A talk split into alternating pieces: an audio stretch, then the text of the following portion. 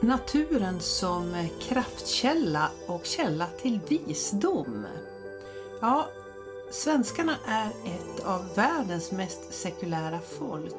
Men dragningen till naturen, den verkar vara starkare än någonsin. Idag så har jag en gäst här hos mig. Hon heter Karin Wells. Hon är barnboksförfattare. Hon är natur och skogsterapiguide. Och sen är hon ekonom också. Och vi ska snacka om eh, naturen. Men vi börjar på mitt specialområde, det där med energier i balans. Så nu är du varmt välkommen till eh, det här veckans avsnitt. Hallå Karin, välkommen hit! Tack så mycket! Kul att ha dig här! Ja, Direkt från skogen, höll jag på att säga. Det var det va? ja det var det. Fast Mm. jag satt på ett kontor. Mm. Mm. I skogen. Ja. Härligt! Ja, du jobbar mycket med naturen och du skriver också böcker där naturen har en stor roll. Jag tänkte vi börjar någonstans vid det här med vad, vad är det egentligen med, med alla ekonomer som utvecklar ut sina, sina vingar åt olika håll? ja, ska jag svara på det? Ja, det är kanske jag som ska svara på det. Jag vet faktiskt inte. Jag är också som du revisor från början. Mm. Nu jobbade jag bara tre år innan jag hoppade av. Men eh, ekonom är jag fortfarande. Mm. Och det har jag jobbat med i nästan 25 år. Mm. Idag halvtid. Mm. Mm. Det är en balans kanske. Det är en bra, det är en bra balans. Så tänker jag. Varför finns mitt ekonomi, ekonomiben kvar? Jo, för att det balanserar upp det Mm. andra. Mm. Så till dig som lyssnar här och har lyssnat då på mina tidigare avsnitt om det här att hålla de här energierna i balans. De här feminina, intuitiva, inkännande, stillhet. Den sidan tillsammans då med de här maskulina, de här eh, att göra, to do, action. Hur, hur har du tänkt på det här eller, eller hur har du löst det här eller kommer det naturligt? Eh, nej men jag, kanske inte så mycket nu, men ja, säg kanske 15 år sedan tänkte jag jättemycket på feminin och maskulin energi och vad som var i mig och vad jag var svag och vad jag var stark och så vidare. Eh, vad jag behövde bejaka mer och fundera över. För jag liksom du hade mycket handlingskraft, väldigt viljestark när jag var liten.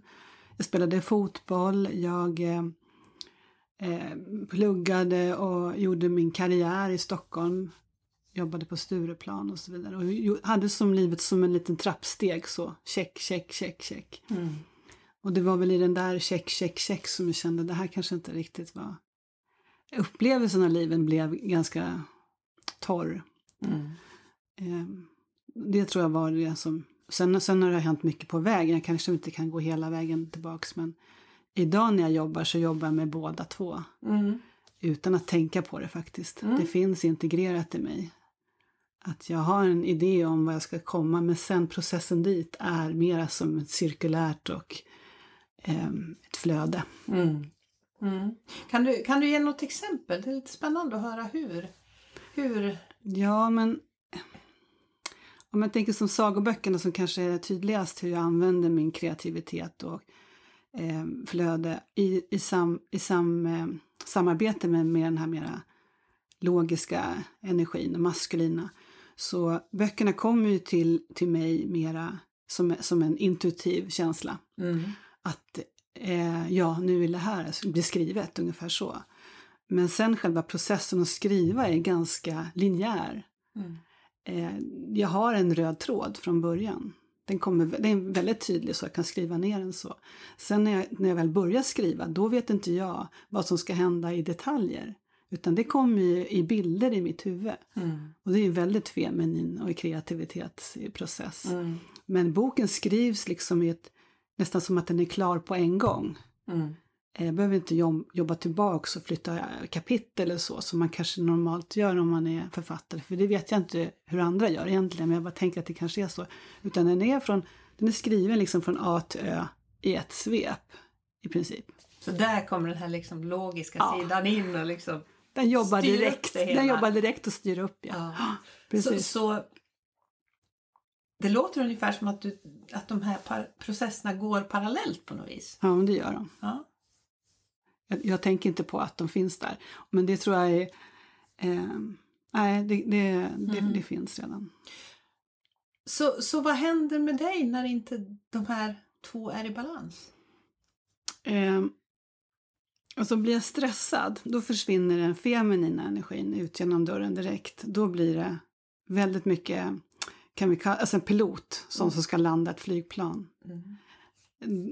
Vad är det som är viktigast? Jag blir väldigt begränsad i att se andra lösningar. Mm. Eh, så det, är ju, det försöker jag undvika, att hamna i mm. stress, för då är jag ju minimerad som människa. Mm. Eh, och när, när jag bara är, det händer inte det så ofta, men jag kan tänka mig att, att när jag är väldigt trött så tappar jag lite grann den maskulina. Mm. Jag har inte tänkt så mycket på det här, men jag kan tänka och då blir det väldigt diffust. Då får jag, det blir så här lite, vad är det som händer? Känsla lite grann. Mm. Det, jag vet inte vad jag ska göra nästan. så jag tror att det är ytterligheterna. Ja, ja. Och, och jag är lite nyfiken på det här för jag, jag, jag utforskar ju min egen, mm. egen balans hela tiden. Och de senaste, den senaste perioden så har jag jobbat väldigt mycket med teknik och strategier. Mm. Och när jag får för många sådana arbetsuppgifter mm. då känner jag direkt att jag tappar den här kreativa, den här intuitiva ja. sidan. Och att eh, jag får svårare för den här typen av samtal. Det är mycket som påverkas, tänker mm. jag. Till och med min röstnivå ja. blir en helt annan. Den höjs. Mm. Så... Men det är att vara i balans. I, mm. Egentligen handlar det om att vara så nära sig själv som möjligt, mm. tänker jag. Att man är så eh, ja, så nära sin egen, sig själv så att man inte, så att man har tillgång till hela sig själv. Mm. Eh, och eh, sålunda kan också snabbt ta beslut baserade på det som är just nu mm. och inte är någon annanstans. Det har vi kanske med stress mer att göra men mm. så upplever jag det. Ju mer jag är nära mig själv i nuet desto mer är jag i balans med maskulin och feminin energi. Mm. Och energi och att fylla på energi, det för oss lite grann in på, på ett av dina specialområden. Du har mm. berört det här nu att du skriver, skriver böcker för barn och de, de, de gränsar ju till det här området eftersom de utspelar sig i natur och skog. Mm. Men du utbildade dig för några år sedan till natur och skogsterapiguide. Berätta mer om det. Vad, vad fick dig att ta det steget? Ja, eh, Ja, innan, innan eh, där jag är nu, i Through Nature to You, så jobbade jag med kvinnors företagande. Mm. Och jag kallade det företagande från hjärtat. Och då var jag mycket i det som du kanske när du pratar om strategier och sånt där. Jag var så otroligt mycket i en doer-energi. Mm. Fast det var ju det jag inte skulle lära ut egentligen. Men till slut var det så här, jag bara, nej men jag klarar inte av det här. Jag måste sluta med det här. Jag bara, jag bara satte stopp. Nu mm. räcker det. Det här är inte det, det var inte det här som var meningen. Mm. Och så var det stopp ett halvår eh, som jag bara liksom gjorde som en egen liten time-out. Mm. Fast jag fortfarande jobbade med ekonomi. Men jag, jag höll inte på med något entreprenörskap. Mm. Och sen efter ett halvår så satt jag på ett café i Falun, jag minns det ganska väl, och tittade i en tidning. Och eh, bläddrade och var lite irriterad på mig själv för att varför sitter jag här och eh, slösar bort min tid i en tidning jag är inte intresserad av egentligen. Men då kom jag på en sida där det stod skogsbad. Och då var det en kvinna som heter Petra som finns här i Sverige som hade utbildat sig till det i USA. Och i den stunden så bara, det där ska jag göra. Mm. Så det var det jag väntade på, en impuls helt enkelt. Och då tog jag mig iväg till USA eh, samma höst. Och eh, den utbildningen fortsatte då ett halvår efteråt i Sverige. Mm. Så eh, vad blir det då? Sommaren 2019 var jag certifierad skogs och naturterapiguide. Mm. Och jag håller då sådana här skogsbad som är mm. Många som vet att det finns något men ja. inte så många som vet vad det Nej, är. Precis, och det, det, jag får någon sån här bild framför mig när jag hör det här skogsbad så tänker jag på en liten, liten badbalja någonstans ja. under en tall. Eh, men, men vad, vad, är ett skogsbad egentligen? Ja, vi börjar där. För det är faktiskt en del som frågar sig, ska jag ta med mig Bad. badrocken? ska vi bada i en tjärn? Nej men skogsbad eh, om jag säger att det är närvaro i naturen mm. Så, så förstår nog de flesta vad, vad jag menar. Men det handlar om att bada sina sinnen i skogens energi. Mm. Så vad jag gör initialt det är egentligen att guida deltagarna i, ner i sina sinnen. Och då pratar vi om fem eh, extroverta sinnen, alltså se, höra, känna, smaka och, eh, Och lukta. Och, lukta. Mm. och utifrån de sinnena så, så när man är där i, Mm. sitt, i sig själv, egentligen sa jag ju det förut, att man är nära sig själv. Mm. Då är man också att man upplever saker väldigt i sina sinnen. Eh, då guidar jag inbjudningar. Jag eh, faller lite på orden för att på engelska heter det invitations, så jag ska översätta det. Och till olika möten med skogen Mm. kan man sammanfatta det. Mm. Och eh, utifrån det så har man ju sina upplevelser då som deltagare och det är ju, den unika upplevelsen är ju ingenting som analyseras eller så utan det är mera som en, en, en stund i skogen tillsammans med skogen kan man väl säga. Mm. Och med mig som dörröppnare. Mm. Så det är inget, det står, jag säger att jag är en natur och skogsterapiguide men jag är ingen terapeut överhuvudtaget. Nej, utan du är mer av guide. Jag är guide där in ja. och om det är något terapeutiskt som sker så är det mellan skogen och den deltagaren som är med. Mm. Skogen är ju till en stor energikälla för svenska folket som det verkar. Mm. Det har ju gjorts forskning på det här med eh, att vi ser, vi ser skogen som någon slags kyrka eller som, som en källa till kraft, precis som du säger. Och även då kanske visdom. Mm. Vad tror du att det här beror på att vi har ett sånt speciellt förhållande till skogen? Eller har vi det?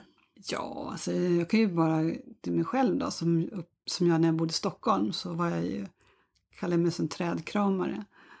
Och flyttade till Dalarna för skogens skull, för att jag Mm. ville komma närmare träden. Eh, men eh, det har vi med vårt eh, historiska arv, att vi har varit ett inte så tätbefolkat folk, tätbefolkat eh, släkte och vi har rört oss över våra skogar och Mm. brukat våra åkrar. Jag är inte jätte, jätte duktig i historia så, men det sitter i våra celler, tror jag, att vi, vi eh, är nära naturen. Mm. Eller man ska säga, vi är närmare naturen än kanske andra kulturer i Europa Mm.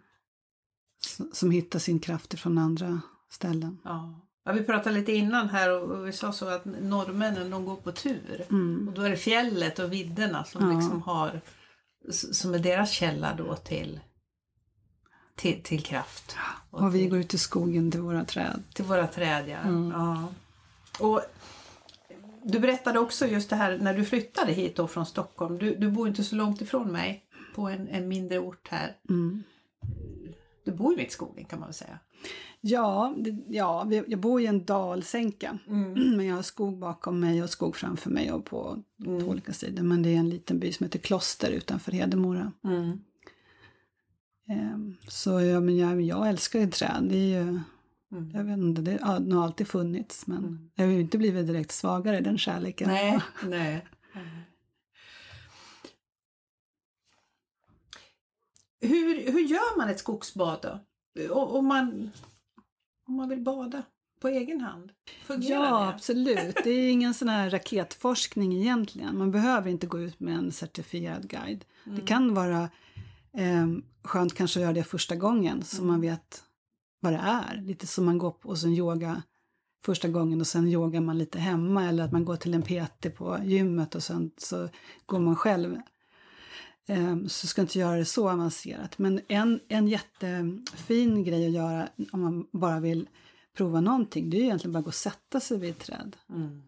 Alltså bara sitta nära ett träd och kanske bara känna på barken eller lukta på barken eller bara vila in till trädet eller, eller bara ställa en fråga eller bara andas med trädet. Alltså prova sig fram. Det är egentligen bara din egen fantasi som sätter gränserna för hur du kan uppleva ett träd. Mm. Det är en skogsbad. Mm.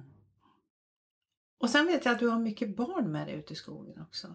Finns det någon skillnad att ta, att ta med barn eller vuxna ut? Ja, Tänk- Nu tänker jag mer kopplat på, till dina böcker som du skriver Ja. för barn. Hur tror du att vi uppfattar naturen olika där? Absolut. Jag tror ett barn, eller jag, jag tror kanske inte, jag tror jag vet, att barnen upplever i princip allt genom sina sinnen Mm. och sin fantasivärld. Mm. eh, de är väldigt mycket här och nu. Mm. Och det kan man ju se, de kanske blir så lite stojiga på varandra och sen leker de vidare som att ingenting har hänt. Lite Mm. som ett djur som kommer, två fåglar som man flaxar och så går de vidare. Mm. Och det är kanske vi som ibland eh, sätter mera liksom, vad hände, att de ska reflektera över det. Medan de mera, det var det som hände då, nu är jag vidare. Mm. Så i skogen tänker jag att de eh, eh, upplever det mera som eh, en nyfikenhet. Vad, är det som, vad är det som bor här? Eh, kan, man, kan man sitta här? Vad mysigt det var i det här, på den här platsen. Här kan jag ju göra mitt lilla hem. Eh, undra vem som eh, undra vem, vem det är. Undra vem det är, alltså träd, vem är det? Mm. Letar, alltså nu, det här kanske inte alla barn gör, men jag tänker att jag skulle vilja visa dem att de ska kanske sen hitta ansikten, alltså gestalta mera. Mm. Ehm, och framförallt i fantasin att de leker i skogen som, som sina världar. Det är Mm. väl det som jag Mm. tror att barnen är starkast, starkare i än vad vi är, som mera transporterar oss genom skogen. Kanske Vi lyssna, kanske borde leka. kanske lyssna på en podd. Ja, precis. Samtidigt. Ja. ja, men vi kanske borde leka mer i skogen Ja, även som, som Absolut. vuxna. Jag brukar föra in sådana inslag på skogsbaden. Ja. Lek, alltid Lek, lite ja. lek. Eller vilket djur är du? Ja. Om du var ett djur, Kiki, vilket djur skulle du vara då? I skogen? Ja, mm, det spontana är ju naturligtvis en häst eftersom jag är hästälskare. Men, mm, men samtidigt så tänker jag mig eh, vi, vi har ett speciellt förhållande till örnen. Mm. Mm. Så jag kan nog se mig själv flyga liksom över. Det är en lek man kan göra. Ja. Oavsett om man är barn eller om man är själv. Mm. Och då kan man ju gå vidare och säga, "Jaha, hur skulle den örnen, var skulle den landa? Mm. Vad skulle den, ehm, hur skulle den uppleva världen? Eh, och, och, det kanske är svårt att vara på marken då, men någon gång landar de väl. Mm. Eller så får du väl bara visualisera att du flyger Mm. och tittar ner på allting. Mm. Och vad man äter och hur boet ser ut och så här. Jag tycker den leken är jätterolig. Det, då, det här påminner mig lite grann om eh, det avsnitt som, som jag spelade in tidigare med Magnus Pamp om drömmar. Ja, Det här att associera på, på drömmar. Och då Ja. kan man ungefär köra samma sak fast eh, på det som händer ja jag ska säga det att just jag, jag fick en sån känsla en gång att jag skulle vara en orm och nu har jag jättestor respekt för ormar. Eller jag ska säga, jag hade det. Mm. Men när jag hade gestaltat en orm, var den skulle ta sig någonstans och, och röra sig och, och känna framför allt, så vart inte det så skrämmande för mig. För jag förstod ormen helt plötsligt i Mm. den upplevelsen i skogen. Och jag kan inte återgå till det, för det var ju där och då. Men idag om jag skulle träffa på en orm så skulle jag inte bli lika rädd för den. Bara för att jag liksom har... Det var lite extremt kanske, men Mm. Sen har jag varit ekorrar och andra sådana här. Och det är jättekul att vara ekorre för övrigt. De är så himla busiga. De bara springer upp och ner, upp och ner, upp och ner. Ja. Mm. Du pratar om tre, vad ska vi kalla det? Tre, tre typer, tre steg, tre Ja, förhållningssätt eller tre... ja, tre steg kan man väl säga kanske. Mm. Ja, men så, så har jag. Det är min logiska hjärna som har behov av det här ska jag tillägga. Ja, för ja, jag tror inte att ja. andra sätter de här etiketterna. Men det är Mm. så jag bygger upp Så saker. det är den här maskulina delen Ja. som har pratat liksom. Lite så ordning och reda här. Ja. Nej, men när man går in i skogen som ett skogsbad speciellt och så etablerar man ju en kontakt. Mm. Eller egentligen behöver det inte vara ett skogsbad. Eh, och det gör jag med sinnen. Man får en känsla eller en kontakt för någonting. En kontakt med någonting. Mm. Och sen kan man gå vidare det och eh, jobba med relation. Vem är jag i förhållande till dig? Mm. Eh, hur känns jag och hur känns du? Alltså till exempel på en, på en träd och känna på barken och känna på sin egen hud. Mm. För det är ju samma sak, det är deras hud, bara deras bark. Och sen det sista steget är kommunikation. Att börja ställa frågor eller, eller, eller bara kommunicera. Man behöver inte kommunicera verbalt. en del fastnar i det, att det måste vara, att jag måste uttrycka någonting verbalt. Men du kan ju kommunicera genom mm. en rörelse också, eller en kram eller någonting, eller bara visa tacksamhet eh, på något vis. Och det, det tycker jag är ganska fint, för det gäller ju även när jag träffar dig, så mm. gör vi den här lilla trestegsraketen mm. egentligen. Fast vi gör det i, framför ett skrivbord eller bakom ett skrivbord. Mm. Så den här, de här tre stegen kan man ta med sig Ja, jag, tyck, jag, jag ser det så. Sen, sen är det fjärde steget som inte är i skogsbadens värld men som, som vi kanske har i de här mera logiska världen, det är ju kunskapen. Och den kan man ju ta med sig också om man vill lära sig mer om skogen. Man vill kanske lära sig hur, hur mossan eh, växer eller varför den växer eller var den växer eller vilka typer av olika mossor det finns eller så. Det är ju inte i skogsbadens rymd då, utan eh, det är inget kunskapande där. Mm.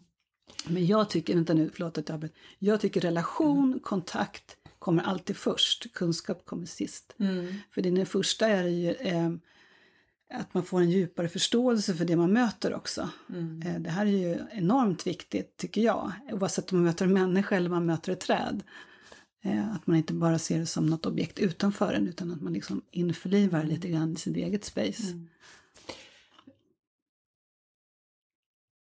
Berätta lite mer om hur du ser på det här med Moder Jord. Jag vet att det är någonting som liksom fram... Som, du kan väl egentligen berätta lite om dina böcker kopplat till det här för att Moder Jord har en speciell plats. Ja, men eh, jag skriver sagoböcker om naturen och allt som lever där i naturen. Och då gestaltar jag det genom att eh, skriva om naturväsen. Mm. Så träfolket, stenfolket, eh, Puttastenen till exempel, eller gnomerna eller jättar eller eh, älvor är också med i en bok. Eh, och de har ju olika, för mig då, olika kvaliteter eller olika energier. Men allt, allt det går igenom i böckerna är ju eh, eh, ska säga, naturens visdom som kommer i olika budskap kan, man, kan jag sammanfatta det med. Mm, det fjärde steget där alltså, kunskapen. Ja, ja, ja. kanske lite så. Ja. Eh, Moder Jord, ja men det är en kärlek till naturen och den här eh, eh, fantastiska platsen som jorden är, som vi lever på, som jag tror många kanske i dagligdags tar lite för givet. Mm. Jag brukar säga så här, nat utan naturen, inget liv här på jorden. Utan barnen, ingen framtid. Mm.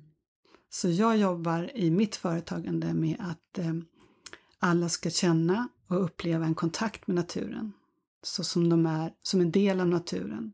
Och så lägger jag i med att jag skriver eh, böcker till barnen då, för jag tycker barnen är så himla viktiga.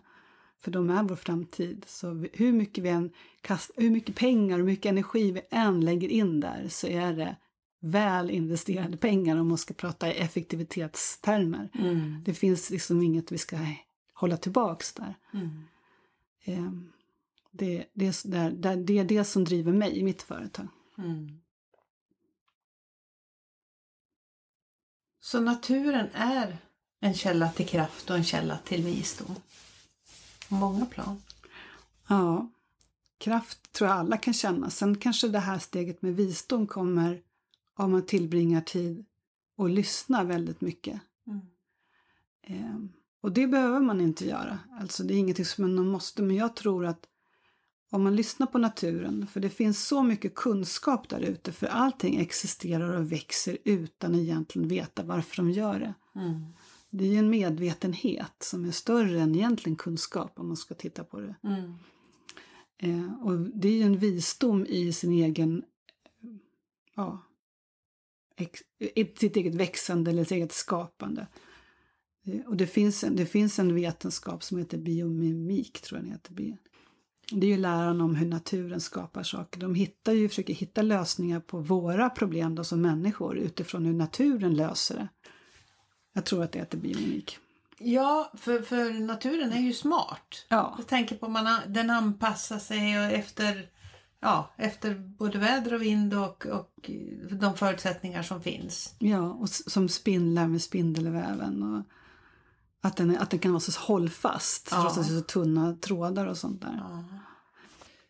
Vi vill ha så mycket extern kunskap tänker jag i våra liv. Mm. Det ska liksom vara från, från eh, det, det här är på något sätt, om vi kan, kunde studera det som händer naturligt, Mm. som vi inte skapar, så, så, så tänker jag att det finns mycket att lära sig där.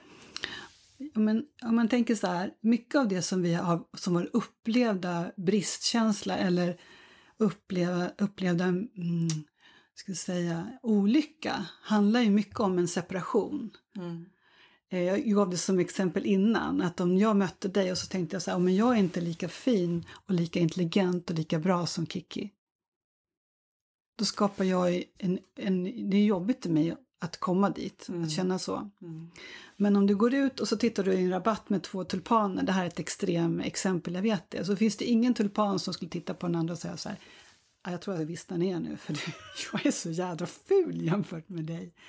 Och i det liksom, men varför klarar de av det och inte jag? Ja. Varför söker jag någonting som jag inte är? När jag är helt fullkomlig precis som jag är. Om vi bara kunde omprogrammera oss så. Mm. Dish, bort, radera ut all jämförelse. Och det gör inte naturen. Och ändå så gör de allt det här vackra. Visst är det märkligt? Ja, det är jättemärkligt. Och vilken vacker bild! Ja. Vilken otroligt vacker bild och, och, och så fånigt det känns på något vis. Att då börja jämföra sig i, i det avseendet. ja. Behövs inte. Nej. Det behövs inte för något egentligen. Det behövs bara för att skapa ett olyckligt jag.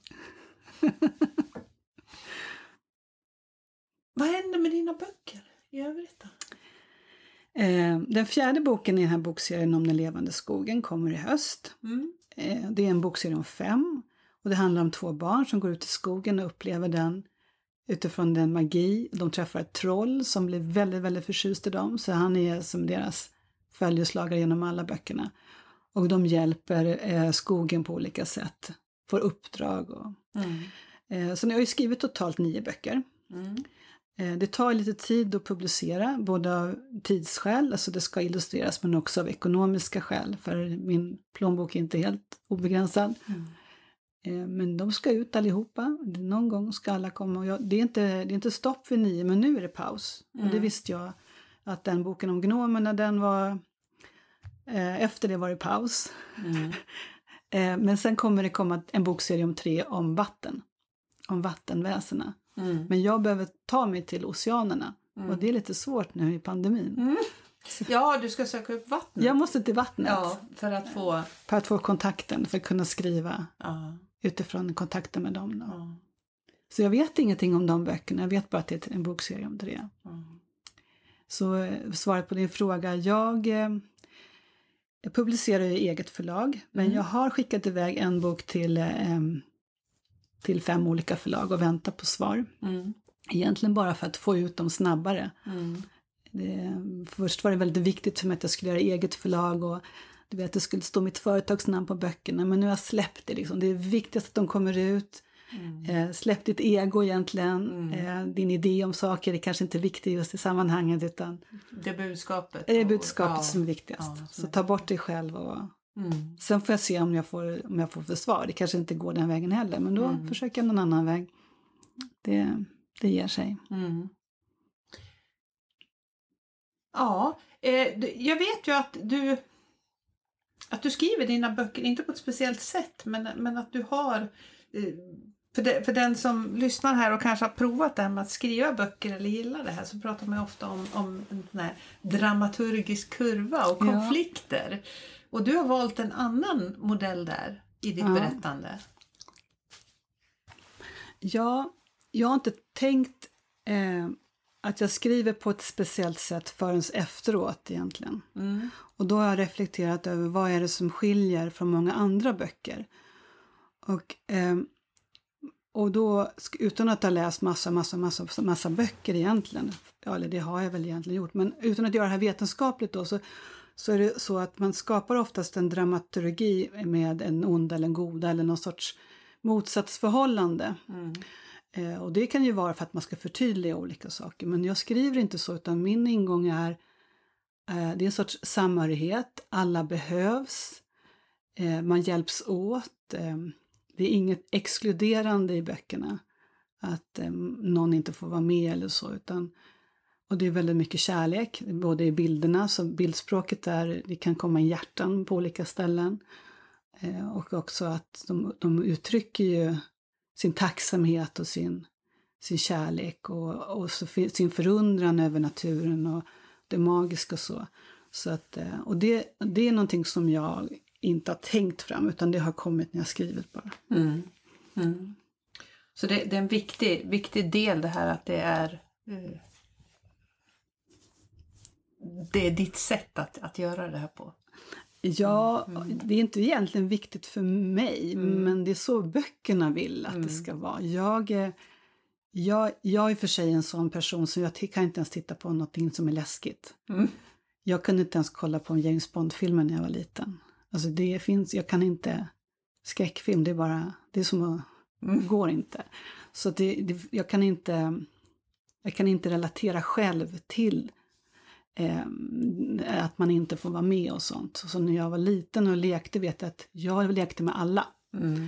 Jag var inte i någon grupp utan jag gick runt för jag tyckte alla hade något roligt man kunde göra tillsammans. Mm. Bara att man gjorde olika saker. Så, så det handlar mycket om samhörighet och mycket, ja. mycket om gemenskap? och alla, alla ska vara med liksom. Ja. Laget före jaget och så. Så det är en av mina grundläggande värderingar som jag kliver in i, i böckerna mm. också. I böckerna ja. Och sen mm. tror jag någonstans att det är liksom så som som i gnomboken då, som är bara närmst, närmst i mitt huvud. Då, vad är en gnom? Det får du förklara också. Ja, men vad är en gnom? Det, det är för mig då givetvis, allting är ju utifrån mina speglar, ja. är ju det en som lever i jorden, mm. som tar hand om det som lever i jorden. Mm. Eh, och de är jättesöta, de som, de som jag har skrivit om. Och de, eh, de, lever i, eh, de lever inte i dualism, alltså de har, de lever inte i familjer. De jag de jag har fått kontakt med. Då. Mm. Utan de har en uppgift att ta hand om. Och de här gnomerna de tar hand om maskbarnen. Mm. Eh, och eh, de är inte separerade i familjer eller något sånt. Utan det är mer så här, de här handlar om det och de har avfallsstationen där, de har hand om det. Och, och så. så att, eh, de är tillsammans på något vänster. Mm, de är tillsammans, ja. De, det är inte inget motsatsförhållande. Nej. Utan att de, de, de gör det som en enhet. Ja.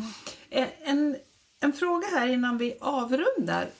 Vi har pratat väldigt mycket om träd. Mm. Att krama träd och att gå ut, eh, naturligtvis träden finns ju i skogen också. Men, men resten av skogen då? Kan, kan man bada i den då eller liksom funkar det lika bra?